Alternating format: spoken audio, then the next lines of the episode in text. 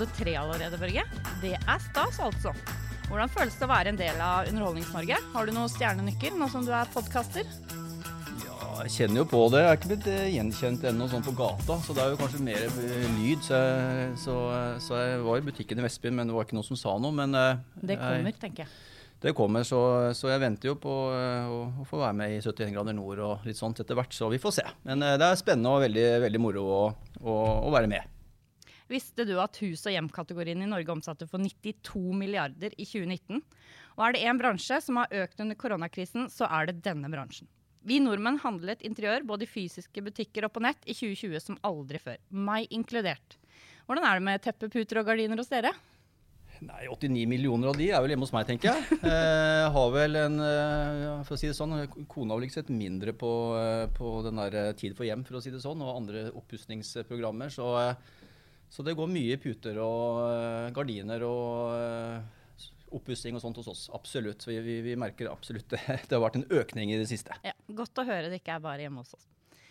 Dagens gjest er så involvert i logistikken i selskapet at han ikke har noen logistikkdirektør. Han er hands on på de fleste prosesser, og den som fikk klart flest spørsmål og skryt etter vårt forrige seminar om smart logistikk. Så mange ubesvarte spørsmål at vi måtte få deg tilbake i studio. Velkommen til Logistikkpodden, Kai Gulbrandsen. Tusen takk. Veldig hyggelig å være her. Bare så vi har alt helt ryddig. Kai sitter i styret LIS, som produserer denne podkasten, så alle er klar over det. Hvordan går det i Prinsess om dagen, Kai? Nei, egentlig så det, det, Jeg må si det går, eh, det går eh, Det går bra. Det går ganske bra. Det er klart at det er jo um, spesielle tider for oss i varehandel, da. Mm. Absolutt. Det er, ting skjer jo fra et døgn til et annet, så her gjelder det å være våken og følge med. så det er jo litt som, det er jo litt som logistikk. Ja, ikke Ikke sant? Det gjelder du å være tett, tett på og følge med. Du kan jo takke litt meg for det, og Kaja. Som sagt, alle innkjøpene jeg har gjort på disse her gardinene i det siste. Så eh, det er nok eh, en skyld i at det har vært litt vekst hos deg, tenker jeg. Ja da, jeg hørte hvor mye dere hadde handlet for også. Og jeg, det har jo nå, jeg, jeg tenker at dere handler jo ikke bare hos meg. Så det får vi prate om, det får vi prate om etter sending. Men eh, er det et år dere aldri får igjen, tror du? Ja, det tror jeg absolutt. På, på mange måter. Så det er jo et Og det tror jeg gjelder mange aktører, eller kanskje de aller fleste bedrifter i Norge. Mm. Har jo vært gjennom et meget spesielt 2020. Mm. Eh, men det er klart at 2021 har vel ikke starta så fryktelig mye bedre i gåseøynene, for å si det sånn. Så eh, vi ser fram til eh, at det kommer en tid hvor ting er litt mer forutsigbart. Det, det håper vi alle sammen på. Men vi legger korona litt til side, så går vi rett på lageret. Jeg tror lytterne er litt interessert i å høre om hvordan faktisk lageret ditt er bygd opp. Om du kan ta litt, og kanskje mest om netthandelslageret deres? Nei, Det er egentlig et veldig tradisjonelt eh, enkelt lager. Eh, både si, hovedlageret og netthandellageret. Det er jo ingen som besøker lageret vårt som ikke blir overrasket. Der står det jo hyllemeter på hyllemeter med varer. Mm. På ulike lokasjoner som det, som, som det plukkes av. Eh, netthandelslageret vårt er jo Vi har atskilt det, det ligger faktisk i en annen etasje. Og det har litt med hvordan uh, lagerbygget vårt ser ut. Vi driver jo ikke et sånn veldig moderne lagerbygg. Vi driver et bygg fra 1933 som opprinnelig var uh, brukt som et teglsteinsverk. Det er faktisk eh, Follos første industribygg. Eh, sånn at det er ikke et bygg som egentlig er ideelt for verken, verken kontor eller lager.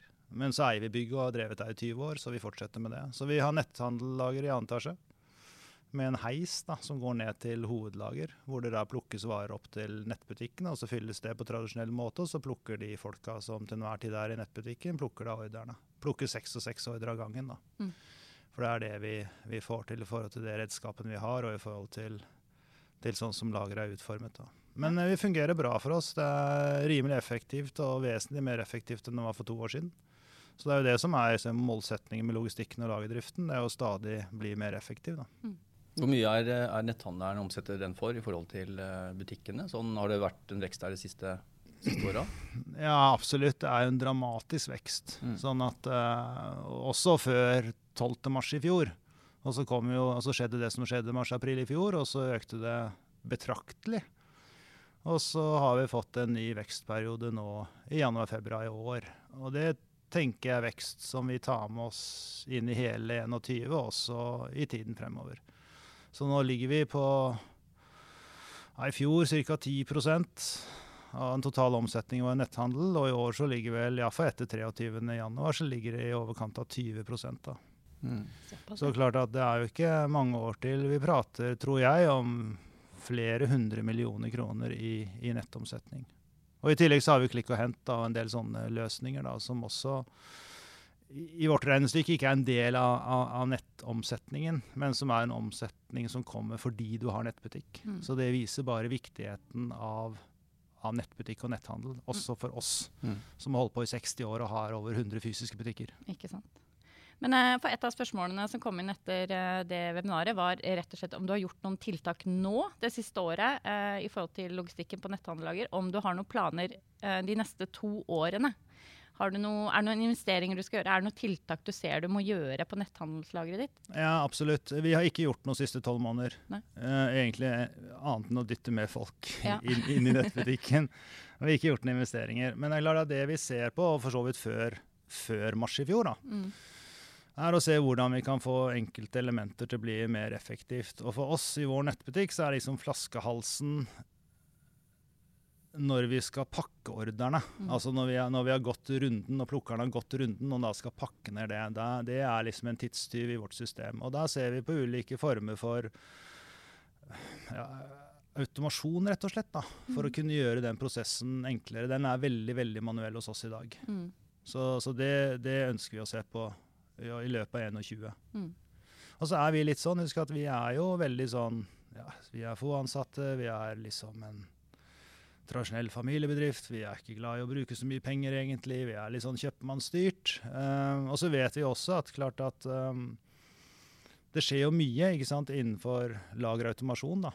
Så det gjelder også å være grundig og finne en løsning som passer bra for oss, mm. istedenfor å løpe etter alle andre og kjøpe autostå, liksom. Mm.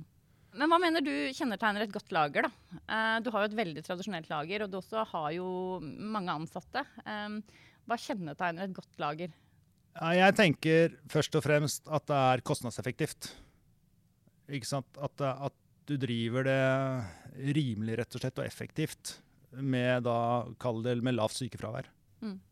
Ikke sant? Mm. Det tenker jeg det er liksom det optimale, det man strever etter. Mm. Hele tiden bli mer effektiv, samtidig som gutta og jentene på lagene er, er happy og kommer på jobb, ikke er sjuke. Mm. Og da tenker jeg at eh, det at du er så involvert i logistikken, da, eh, tror du det bidrar? For det er jo ikke alle administrerende direktører som er så på logistikken som det du er. Du kunne jo bare sett på håndball og denne snekkeren og sett logoen her og der. Uh, men du er jo veldig på. Ja, da, jeg, jeg, håper jo da at det bidrar, da. Men, men samtidig så tror jeg da at sånn som nå, da, så er jo jeg ikke på, på ski. Og det tror jeg lagersjefen er veldig glad for. at han får litt pusterom. Ja. så, så, men jeg tror da, eller jeg mener da, at det at man er engasjert i det kollegaene dine driver med, mm. Det tror jeg til syvende og sist bare er positivt. Mm. ikke sant? Det er klart at Hvis de skal streve og ha utfordringer, og liksom sjefen er fullstendig fraværende Jeg tror ikke folk innerst inne syns det er supermotiverende. Men noen ganger så føler de nok at jeg er litt på, altså. Jeg, jeg, vil, jeg vil, tro det, altså. Er du redd penga dine renner ut? på bunnlinjen med at det er lite effektivt på lageret, liksom? For det um Nei, men jeg tenker at vi er jo altså vi Primært så driver vi de 150 butikkene, og så lever vi av å selge interiørtekstiler. Mm. Og jeg sier jo det, og det har jeg sagt høyt mange ganger, at det er klart at uh, hele logistikken og lageret vårt det er bare middel for å nå målet. Og målet er høyest mulig omsetning i butikken og mest mulig effektiv drift. Så mm. klart at hvis, hvis, det kommer noen til meg og sier hei, Kai, jeg kan drive lageret ditt uh, like effektivt som du gjør i dag, men for halve prisen, så må ikke jeg drive et lager. Nei. Ikke sant? Nei.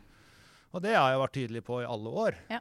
ikke sant? Og, og, nå er det ikke meningen å passifisere folk og skremme dem, og jeg har overhodet ingen planer om å outsource, men det er klart, det er jo alltid en vurdering som eier og ledelse gjør, ja. i, i, alle funksjoner. Mm.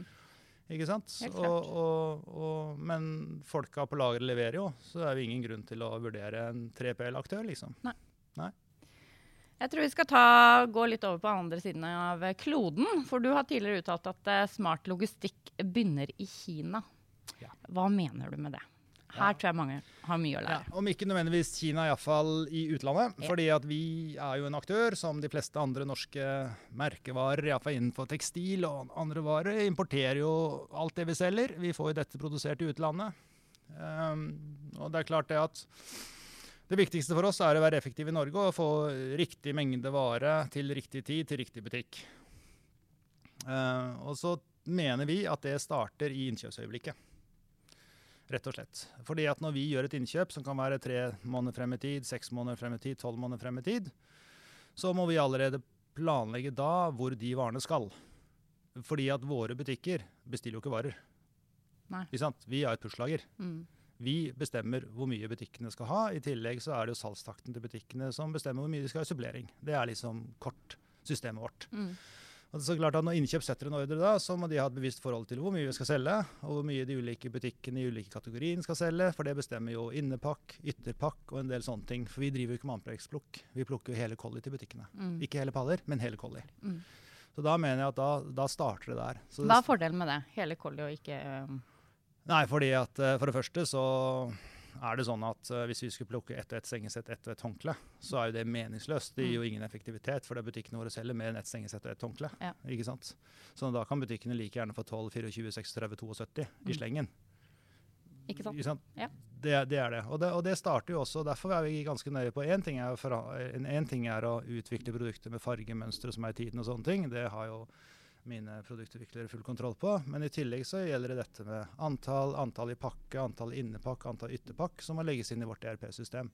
For det er jo det ERP-systemet tar tak i, altså antall i pakke, altså stamdata, da, Mm. når fordelingene skjer. Mm. Og ikke minst når butikkene rebestiller. For når butikkene rebestiller, som skjer automatisk, så går det ut ifra hvor mye som er minimumskvantum. da. Mm. Altså minimum innepakk eller minimum ytterpakk. Så Derfor må innkjøp ha et bevisst forhold til dette når de bestiller varer. Mm. Også et bevisst forhold til hvordan konteinere støffes.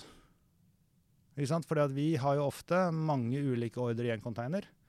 Og da må vi ha et litt forhold til hvilken, hvilken vare er innerst i konteineren, hvilken vare er ytterst i konteineren, i forhold til når konteineren kommer, i forhold til når de ulike varene skaper sesong. Så det må vi også tenke igjennom. Ikke sant? For det kan jo hende at en container og iallfall i disse dager er en uke forsinket eller to. Mm. Og da er det greit å vite at det håndkleet eksempelvis, som skal til påske, at det står altså ytterst i containeren og åpner den, for da vet du at du kan bare dra ut i x antall hundre kollin og legge de på transportbåndet. Mm. Men er det, lett å, er det lett å styre det, at de faktisk blir pakka riktig? Altså, Nei, tar det de er jo ikke Det må jo Man må jo være litt hands on. Ja, Så man må mer enn bare skrive det i en e-post, for å si det sånn. ja, så, nei, nei, så det krever, jo, det krever jo oppfølging. Og så har jo vi en produsentmasse som har vært med oss i mange år. Så klart Mm. mange av de kjenner oss, og da går det smertefritt. Mm. ja. Men så har du også en del som vi kjenner så godt, så vi vet at de ofte gjør det feil. Bare å si det sånn. Ja. Som vi må følge litt ekstra med på. Mm. Og da må også speditøren ta et ansvar der i forhold til eh, når konteinerne fylles, da enten på fabrikk eller på de ulike havnene i verden. Mm. Mm. Har dere gjort dette hele tida, eller nå begynte dere med det? Å være så på i Østen, liksom? Nei, hele tiden. altså Selskapet er 60 år gammelt, så, Ja. så det Jeg vet ikke helt når man begynte, men det er jo sånn det er da i en driftssituasjon. Da tenker jeg at du hele tiden ja, du får opp melding fra lageret og fra kollegaene dine at dette kunne gjøres bedre, dette kan gjøres bedre. Så det handler jo hele tiden om å gjøre kontinuerlige forbedringer. da. Mm. Men jeg vil si at vi har jobbet på denne måten iallfall de siste 20 årene. Mm. Absolutt. Før vi går tilbake til ski. Eh, jernbane fra Østen Ja. har jeg også hørt rykter om. Mm. Eh, det er jo også noe man kanskje ikke helt eh, forventer. Hvorfor gjør dere det? Det har blitt veldig veldig aktuelt de siste månedene pga. de frakt, altså, fraktratene har jo økt kraftig fra Fjernøsten. For vår del egentlig spesielt inneværende kalenderår, men vi har jo fulgt med og hørt ryktene og sett hva som skjer sånn internasjonalt. Og så har man jo drevet egentlig mange år med, med jernbane fra, fra Kina, da. Spesielt og til Europa. Og det er jo en voldsom satsing i Europa, altså i Vest-Europa, på dette. Man ønsker jo primært å få mer over på jernbane. Og det er klart Når prisene stiger såpass som de gjør, så blir jo det veldig aktuelt for oss. For det er klart at den rateprisen er jo en del av vår kostpris. Så vi ønsker jo å få det så lavt som mulig. Og da begynte vi å, å se litt nærmere på det, og ta, rett og slett begynte å ta det litt seriøst. Og, og det gjorde vi faktisk ikke for et år siden. Og fått inn litt priser og sett litt på ledetider, og ser jo det at dette her er jo egentlig kan fort være liksom veldig veldig bra med tanke på fremtiden. Både med tanke på prisnivå kontra, kontra båt, og ikke minst på ledetider. Og det er klart Jo flere kall det europeiske da, importører som ønsker det, jo bedre er det for oss norske. da. Så nå går det jo både toglinjer både til Frankrike og nå via St. Petersburg til Hamburg. Og Så har man to alternativer derfra. Man kan dra det på en feeder opp til Norge, eller man kan kjøre tog videre. Så det er ting vi jobber med nå. Så vi gjør våre første togforsendelser i disse dager. Ja, ja, klart det at Og båt tar 30-37 dager, litt avhengig av hvor det kommer fra og hvor mye han er villig til å betale. altså Noen båter går raskere enn andre, mens, mens uh, tog kan fort bli ja, fra 20 til 25 dager. da. Så si at du kan spare en uke, 14 dager maks. Så det er viktig for oss som driver mye med kampanjesesong. da. Kan Ja. ligge litt tett på, da.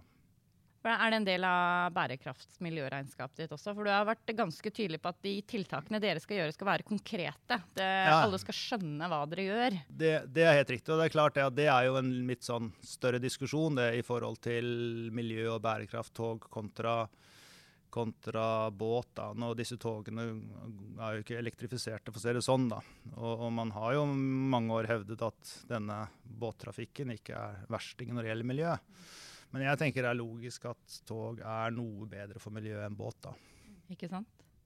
Vi har fått et veldig konkret eh, spørsmål etter eh, forrige webinar. Kan Kai si noe mer om mikspakker? Det kan jeg. Hva er det? Det er um, Skal vi se Prøve å fortelle det på en enkel måte, da. Vi bestiller jo masse varelinjer da, fra, fra x antall produsenter. Og så skal jo alt dette ut i butikk til en eller annen sesong eller en eller annen kampanje. Så istedenfor å si at vi får inn ti ordre på sentrallageret, og så må vi egentlig plukke ut fra ti ordre, så kan vi ta de ordrene og så bøndler vi det i en stor pappeske. For å si det veldig enkelt.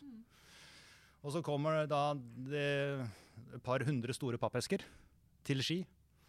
Og der er det oppi der er det jo ti ulike ordre, ti ulike varenummer. Og istedenfor å plukke ti ganger, så tar vi bare den pappesken og snur den rett ut i butikk. Så, sånn at når butikken da får varer, så får de én stor pappeske. Inni der ligger det ti ulike varer. Når butikkene skal ha supplering, så iallfall de minste butikkene, så trenger ikke de ta en ny stor pappeske. Men supplering skjer på varenummernivå. Sånn at den store første pakken er egentlig ett varenummer. Et unikt varenummer som inneholder ti varenummer. Og sånn jobber vi for å spare tid på lager, rett og slett, for å være effektiv. Og det kan være noen ganger er det ti forskjellige varer på forskjellige varegrupper.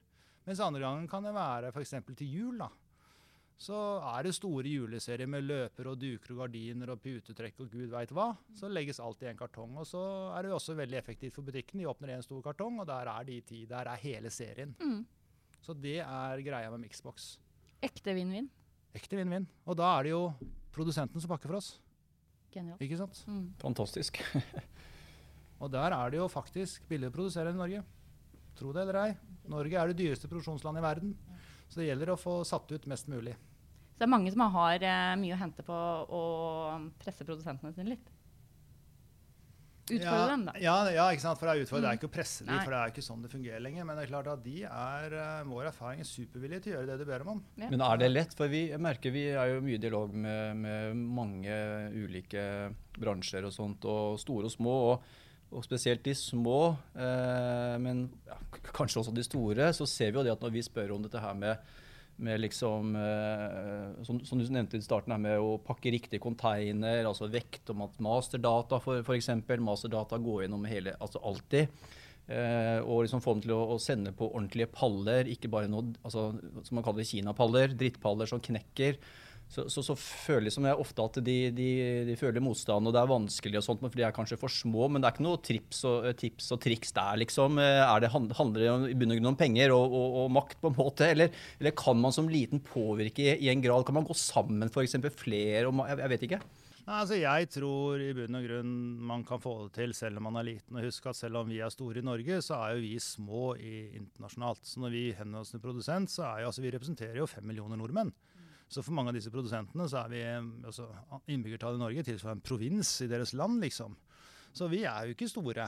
Det, men det er vi bevisst på. Så det gjelder å være direkte og ærlig, litt ydmyk og, og ikke gi seg, rett og slett. Eh, For selv om man er liten, så får man til det samme som om man er stor. Men det gjelder å få den gode relasjonen med de også, og tillit. Og jeg har jo mange ganger sendt ned folk, jeg. Altså, jeg har hatt masse folk av mine som har vært på lageret, som har vært i både Indonesia og Kina og overalt. Det gir de et litt luft i brystkassa for å reise ut og sånn. Og, sitte, og er der sammen med de på gulvet operativt og, og, og, og fysisk vise hva vi mener. Mm. Så, Ja. så, Ja, så er du en må jo ta deg tid ja. til å ta dem seriøst og bruke tid på det. Mm. Mm. For det å bare sende en streng mail fra Norge hvordan du vil ha det, det kan du drite i. Ja. Ja. Sånn Så det i reise ned, rett og slett, er jo ja, Det er, jo det er som barneoppdragelse. Ja. Du kan ikke bare kjefte, liksom. Nei, nei, nei. Sant. rose litt òg. Ja. Ja. Harmoni. Harmoni. Hva, hvis vi skal se inn i fremtidskulen eh, Det var mange etter Smart Logistikk som var veldig opptatt av hva du trodde om framtiden. Tenk deg det, Kai. De vil gjerne at du spår. Eh, hva tror du om framtiden? Hva tror du om netthandel? Hva tror du om Prinsess? Eh, belær oss på hva du tror eh, verden ser ut om fem år.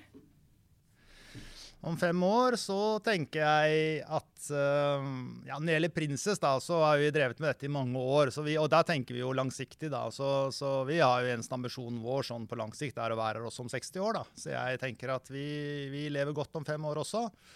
Jeg tror at uh, netthandelen er betydelig større. Ja. Uh, absolutt. Jeg tror at uh, vi kommer til å ha en fundament med ganske mange hundre millioner i nettbutikkomsetning. Eh, jeg tror også vi kommer til å ha fysiske butikker. I dag har vi ca. 150 som vi eier selv. Det er ikke sikkert vi har 150 om fem år, men vi, har liksom ikke, men vi kan kanskje ha 130. Så vi kommer til å ha en betydelig butikkmasse. Mm. Og jeg tror samspillet mellom nett og fysisk butikk kommer til å sitte enda bedre om, om, eh, om fem år. Mm. Um, jeg er ikke en person som er spesielt urolig av meg. Jeg er ikke spesielt nervøs. så jeg tenker at uh, på mange måter så ser verden lik ut. Men det er klart at andre kanaler fungerer enda bedre enn i dag. Og det er klart at Vi er jo en organisasjon som jeg er veldig opptatt av lag og logistikk og veldig opptatt av salg, men vi følger jo også, og jeg er jo veldig på alt som er markedsføring og sånne ting. Og der også ser vi at det kommer til å skje en del gunstige ting da, for vårt vedkommende i løpet av neste fem årene, tror jeg. I forhold til å kunne treffe flere kunder bedre, da. Mm. Så det er Hvordan er, også, eh, hvordan er konkurransen i, liksom nå i, i markedet, i det segmentet dere er i? Er det en som, er det, vokser den, liksom? Blir det større og større konkurranse, eller er den jevnt stabil som den har vært? Egentlig så, Hvis jeg ser de siste 20 årene, da, så har den egentlig vært jevnt stabil, sånn som jeg ser det. Eh, Det blir jo ikke noe lettere om fem år. Men samtidig så har ting endret seg kraftig de siste 20 årene. Uten at For så vidt til det bedre, da. Så, så klart Vi lever i en situasjon og de alle sammen hvor det er stor konkurranse, og det er det forhåpentligvis også om fem år. Altså Hadde det ikke vært stor konkurranse, så tror jeg ikke det har vært så mye positiv utvikling. For det er det som driver deg videre. Så å ikke ha konkurranse må jo være kjipt. Det er bra for alle kvinnelige langrennsløpere Ja, ja. som ligger et minutt bak beste norske. Det er helt Ja, Tenk deg hvordan det motiverer de til å trene. Ja, ja, Ja, ja. det, er, det er litt sånn. Du blir, du blir ikke altså, Og butikkene, tenker du, vil de endre seg, tror du? De vil ikke liksom begynne å, vil dere begynne å selge eh, kaffe og vil dere begynne å selge langrennsski og sånt inn på Princess, eller vil dere holde dere til eh, det måte segmentet der på, på de artiklene? Ja, altså? Vår privære business er jo interiør og tekstiler, Ja. og det er også om fem år. Ja. Men det er klart at vi ser jo det hvis jeg går tilbake 20 år og titter, så, så endrer jo kategorier og sortimentet seg. Mm. Ikke sånn veldig brått, men, men det er klart at vi er store på en del varegrupper i dag som ikke var så store på i 2012 nei, 20, og 20, 2002. Mm. Så det endrer seg. Men det er klart, vi blir aldri en skobutikk, liksom. Nei, det, det er vel kanskje greit. ja, ja, OK. Det var et dårlig eksempel. Nei, men så, så klart ting endrer seg, og det er litt av det som er forventningen til forbruker også. Ja. Og klart, Hvis du aldri forandrer deg, så tenker jeg da er du fort på vei til kanten av stupet. altså. Når det, når det gjelder eh, Vi har eh, et spørsmål som vi, eh, vi stiller egentlig alle som, som vi inviterer, som gjester og i studio. Så, og vi ser jo Hvert år så er det jo alltid store hva skal vi si, konferanser. Man snakker om netthandel og e-handel. Man snakker om Amazon som som kommer inn og skal ta over verden. og man, Det er alltid mye snakk om det. og, eh, og det er alltid snakk om eh, hva skal vi si, Robotene tar over, droneleveringer hjem, fri frakt, altså netthandelen. Og, og med, med tanke på at den netthandelen dere i dag, la oss si at den vokser eh, og vokser og vokser, og plutselig er la oss si 50 av omsetningen, da. Hvordan tror du Vil dere ha samme lager som i dag? Vil dere på en måte se at eh, dere setter altså kan, Hva er liksom dine framtidsutsikter i forhold til eh, nyvinning og, og, og, roboter og sånt? Det er klart at eh, det som er utfordringen, da, eh, nettbutikken sånn som vi driver, i hvert fall, eller snu på det. Vårt tradisjonelle lager da, for butikkene er ganske forutsigbart. Der har vi jo 150 butikker som får vareforsyning x antall ganger i uken. Noen får tre, og noen får én, og litt avhengig av størrelse og hvor de ligger. Veldig lett å estimere hvor mange linjer vi skal plukke egentlig, hver dag, hver uke. Ut ifra historiske tall, ut ifra hva som er på kampanje. Så øh, Folka kommer på jobb klokken seks om morgenen, og så vet man hva man skal gjøre, og volumet er forutsigbart. Arbeidsdagen er ganske forutsigbar. Nettbutikken helt oppløst. Helt oppløst. Ikke vet du egentlig når du går hjem på jobben i dag, hvor mange ordre som kommer i løpet av natten. Og ikke vet hva kundene bestiller. Nei. Det gjør vi jo på fysisk butikk. Vi Mm. har en viss peiling ut fra kampanje og sånn. Så det gjør jo at øh, sånn sett så er Sånn som vi driver netthandelslager i dag, blir veldig manuelt. Mm. Så klart er hvis den dagen 50% av vår omsetning er rett og slett stykkgods og pakker, så må vi før vi har kommet til 50 av omsetningen, gjøre noe i forhold til dette med automasjon og sånn. Det er jeg helt sikker på. Skal du drive et stort netthandellager, så må nok ha en del automasjon og en del funksjon for å kunne gjøre ting mer effektivt og uavhengig av mennesker. Men når, begynner, når tar du den avgjørelsen, da? Når er det du liksom sier Ja, Vi driver og ser på ulike ting allerede i dag, og så yeah. for så vidt på det før covid-19. Mm. Men så er jeg jo da en kjøpmann og gjerrig knark, så jeg tenker at ting som er dyrt, var dyrt i 2018, vil jo bli billigere i 2025. ikke sant? Så det er, det er litt sånn. Men det er klart, du må jo ta investeringen eh, før det smeller, da. Ja. Så det, Det- gjelder å, å- finne det nivået, da. Mm. Og jeg er helt sikker på fordi at netthandel øker så mye i hele verden, så er det sikkert eller det er garantert veldig mange som driver og jobber med automasjon og systemer til å selge til sånne som oss. Så jeg, jeg er ganske sikker på at vi har liksom utviklingen med oss. Mm. Så jeg tror at i løpet av to-tre år så kan man finne meget gode, effektive løsninger som passer oss. Mm. Men vi må også ha løsninger vi kan vokse, vokse med. Mm. Vi kan ikke ha en løsning som er basert på at 20% av vår omsetning er netthandel, når det sannsynligvis om noen år er 35 Mm. Så, så det gjelder å For det er ikke noe så gøy å investere, liksom. Nei, det tror jeg er viktig. At, eh, Men, men tror du det er naturlig å holde samme lokasjon? Altså Tenk på lager. Man snakker jo om det skal komme større lager, mer automatiserte lager, 3P-leverandører som blir, vokser og blir større, Amazon, alt dette her jeg nevnte. Hvis uh, Princess hadde vokst veldig, eh, hadde man da altså hadde, vært, hadde man på en måte satt det bort, eller hadde han bygd et gedigent lager, et svært svært lager i, i, på østlandsområdet, eller hadde man kanskje tenkt at ok, kanskje vi skal ha et lager i Bergen som har på en måte håndtert netthandel for, eksempel, for, for, for det området og for hjemmelevering og sånt. Hva, har du noen tanker rundt det? Ja, nei, jeg tenker at eh, det som vi jobber ut ifra vår hypotese, det er å også i fremtiden drive selv. eh, og gjøre de investeringer som er nødvendig, både når det gjelder kall inventar og, og, og lagerbygning. Da. Så vi er jo litt langsiktige prosesser på det. Mm. Men jeg tror også at eh, når det gjelder dette med levering, så er jo det kritisk. Da har jeg veldig tro på å rett og slett ha de riktige leverandørene, som jeg føler at vi i stor grad har. Og der, der også tror jeg det kommer mye eller det ser vi allerede de siste årene har kommet mange utfordrere til de tradisjonelle leverandører. mm. Og det kommer til å komme flere av de. Når det gjelder sånn som Amazon, da, som er litt sånn, det er helt riktig det du sier, at det er liksom, du kan gå på seminar, og så driver alle og sier nå kommer Amazon, og nå går alt til helvete i Norge. liksom, Nå skal alle handle på Amazon. Det er ikke noe som jeg nødvendigvis tror på. Uh, kanskje jeg er litt naiv. Uh, og primært også fordi at sånn som setup er i dag, så kan man jo egentlig ha de samme transportleverandørene som Amazon og få den samme kvaliteten. Mm. Og, men det jeg tror, og sånne steder som Amazon, at det kan være nok en fin kanal til å vise sine egne varer på. Mm. Så istedenfor å være så fordømt redd, så kan man joine dem. Og vi, det er litt sånn breaking news. Vi jobber jo med Amazon i Nord-Amerika nå, vi. Gjør det? Ja, ja. Kult. Ikke sant? Og, prim og, og, og målet med det er, å vi, så, så vi, det er faktisk eh, ikke lenge til. Alt er klart fra Amazons side, så vi kan selge våre varer, en del av våre varer, ikke alle, Nei. På, på Amazon USA, Canada, Nord-Amerika. Hvor de var interessert i det. Det er Ja. Og det, det, Og det har du ikke sagt det- før en 25 minutter ut i podkasten? Men poenget er at men nå har vi liksom Vi er i begynnelsenfasen der, så vi Ja. har ikke så mye erfaringstall nå. Nei. Men da ser vi jo hva ting koster, og det koster, og dette blir varer som er liggende på Amazons lager, og hele pakka der. Så vi har vært gjennom alt det med Amazon. Ja.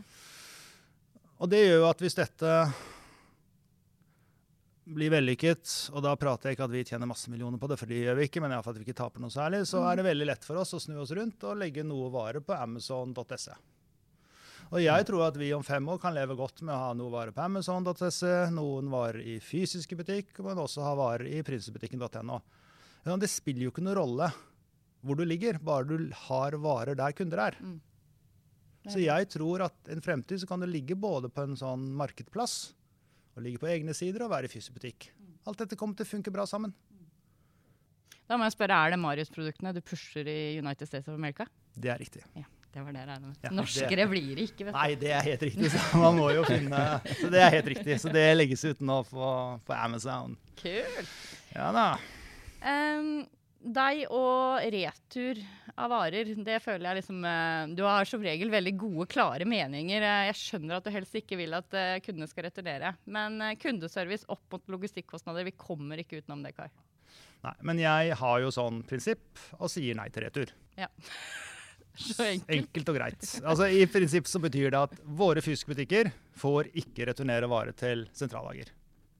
Altså, Enkelt og greit. Ja. du må liksom uh, selg varene der de er.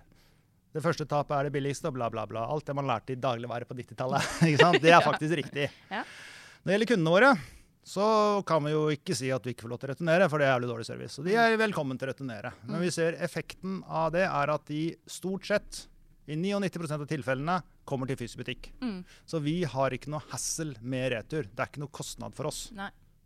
Ca. 1 av netthandelspakker kommer tilbake til sentrallagerregi. Resten tas i butikk. Det er jo veldig lite. Ja, det er veldig lite. Og det er så supert. Ja. Fordi at når du kommer med sengetøy eller håndkle vil bytte av en eller annen grunn, feil størrelse, feil farge i en fysisk butikk. Så tror jeg at hele handleopplevelsen er så mye bedre. For der står det en blid dame og sier 'jeg skal hjelpe deg'. Mm. Og så tar du bytte der og da, og så får hun riktig størrelse og riktig farge, så alle er happy. Mm. Det er en mye bedre kall handleopplevelse Mm. enn å gå på postkontoret og sende den pakken og høre den om 14 dager. Ja. Ikke sant? Så Det er hassle, det, altså. Ja, ja, så det tenker jeg, det er også en styrke med å drive såkalt omnikanal. ikke sant? Mm. Hva handler du sjøl på nett? Jeg handler ganske mye på nett, da. Ja, du gjør det, ja. Vi hadde, jo, vi hadde jo Tom fra Vinmonopolet her i første episode. og Da snakka vi om veksten bl.a. På, eh, på at nordmenn eh, har begynt å handle litt mer eh, vin på nett, bl.a. Og så, Jeg har hørt rykter om at du har kjøpt deg et vinskap. Ja, jeg må bare si at uh, det vinskapet, det ble kjøpt på nett. Det er jo så vinskap, altså dette, det vinskapet det er, jo, det er jo som et stort kjøleskap. Så det er klart det at det er veldig behagelig å kjøpe det hos en aktør som leverer hjem til deg, og det ble da gjort. Og når dette vinskapet står der, så ser det veldig trist ut når det er helt tomt. Helt Det er det. Tar seg ikke ut, vet du. Det tar seg ikke ut. Og så fant min kone ut at her må vi fylle opp. Og da gikk man jo på vinmonopolet.no. Så da leverte de en halv pall. Heldigvis ble det også levert på døren. Så det, Ja, har, ja. det har vært jævlig flaut å stå bort på lokale sparbutikken også. Ja, det da tror jeg det har blitt snakka om, altså. Ja, ja, Ja, ja, det- ja, ja, det, det er er ikke tvil om, egentlig. Nei, altså, jeg handler faktisk en del på nett, jeg. ja. En del klær og sånn, unge og sånn, synes jeg er genialt. Men nå er ikke jeg sånn som liker å gå rundt og titte i kjøpesenter, altså, selv om jeg har 150 butikker i kjøpesenter. liksom. Men tror du kjøpesentrene blir borte? Altså, vi snakka litt om det i stad i forhold til eh, butikker og Princess, men altså, kjøpesentrene er jo mange som snakker om blir opplevelsessenter istedenfor, og noen har begynt å legge ned. Jeg vet ikke eh, om det blir, Kommer vi tilbake til hvor det var liksom, man gikk i gaten og gikk på en og en butikk, ikke på et senter? At det liksom eh, Nei, jeg, jeg tror ikke det. Nei. Og jeg tror heller ikke kjøpesentre blir borte. Og det kan hende at kjøpesentrene krydres mer med andre typer leietagere enn tradisjonelle butikker. Det kan jeg tro på. Men i bunn og grunn, kommer man fem til ti år frem i tid, så ser det ganske likt ut, tror jeg. Ja. Og det ser vi jo nå under lockdown, da. Mm. Ikke sant? At Oslofolk eh, kjører jo milevis til eh, nabokommunen for å handle på kjøpesenter. så det er ingenting som tyder på at, eh, på at folk er lei kjøpesenter. Nei. Da tror jeg tiden er kommet for å takke Kai for at eh, du kom i vårt studio. Bare Det hyggelig. er alltid lærerikt å høre på deg. Husk å abonnere på podkasten, slik at du får varsel om neste episode. Liker du det du hører, gi oss fem stjerner, ikke tre, ikke fire. Send oss mail hvorfor du ikke kan gi oss fem stjerner, så skal vi gjøre noe annerledes. Har du spørsmål, tilbakemeldinger eller bare ønsker å komme i kontakt med oss, kan du sende oss en mail på logistikkpodden at list.no, eller bruk hashtaggen logistikkpodden i sosiale medier. Takk for i dag. Takk for oss.